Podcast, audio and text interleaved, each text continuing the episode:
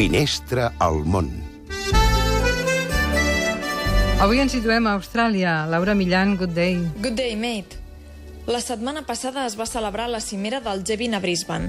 Els periodistes que hi érem esperàvem amb delit l'arribada dels líders dels diferents països.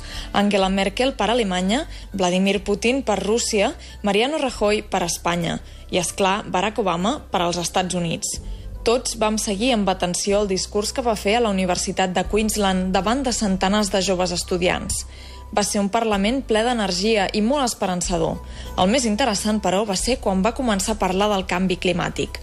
Parlar de canvi climàtic en aquestes latituds, a Austràlia, és desafiar el govern i el poderós lobby miner que el recolza. El primer ministre australià és famós per haver dit que el canvi climàtic és literalment una merda.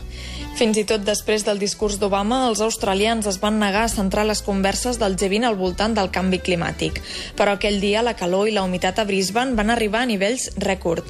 Només des de l'aïllament d'una sala amb aire condicionat era possible ignorar l'evidència de l'escalfament global.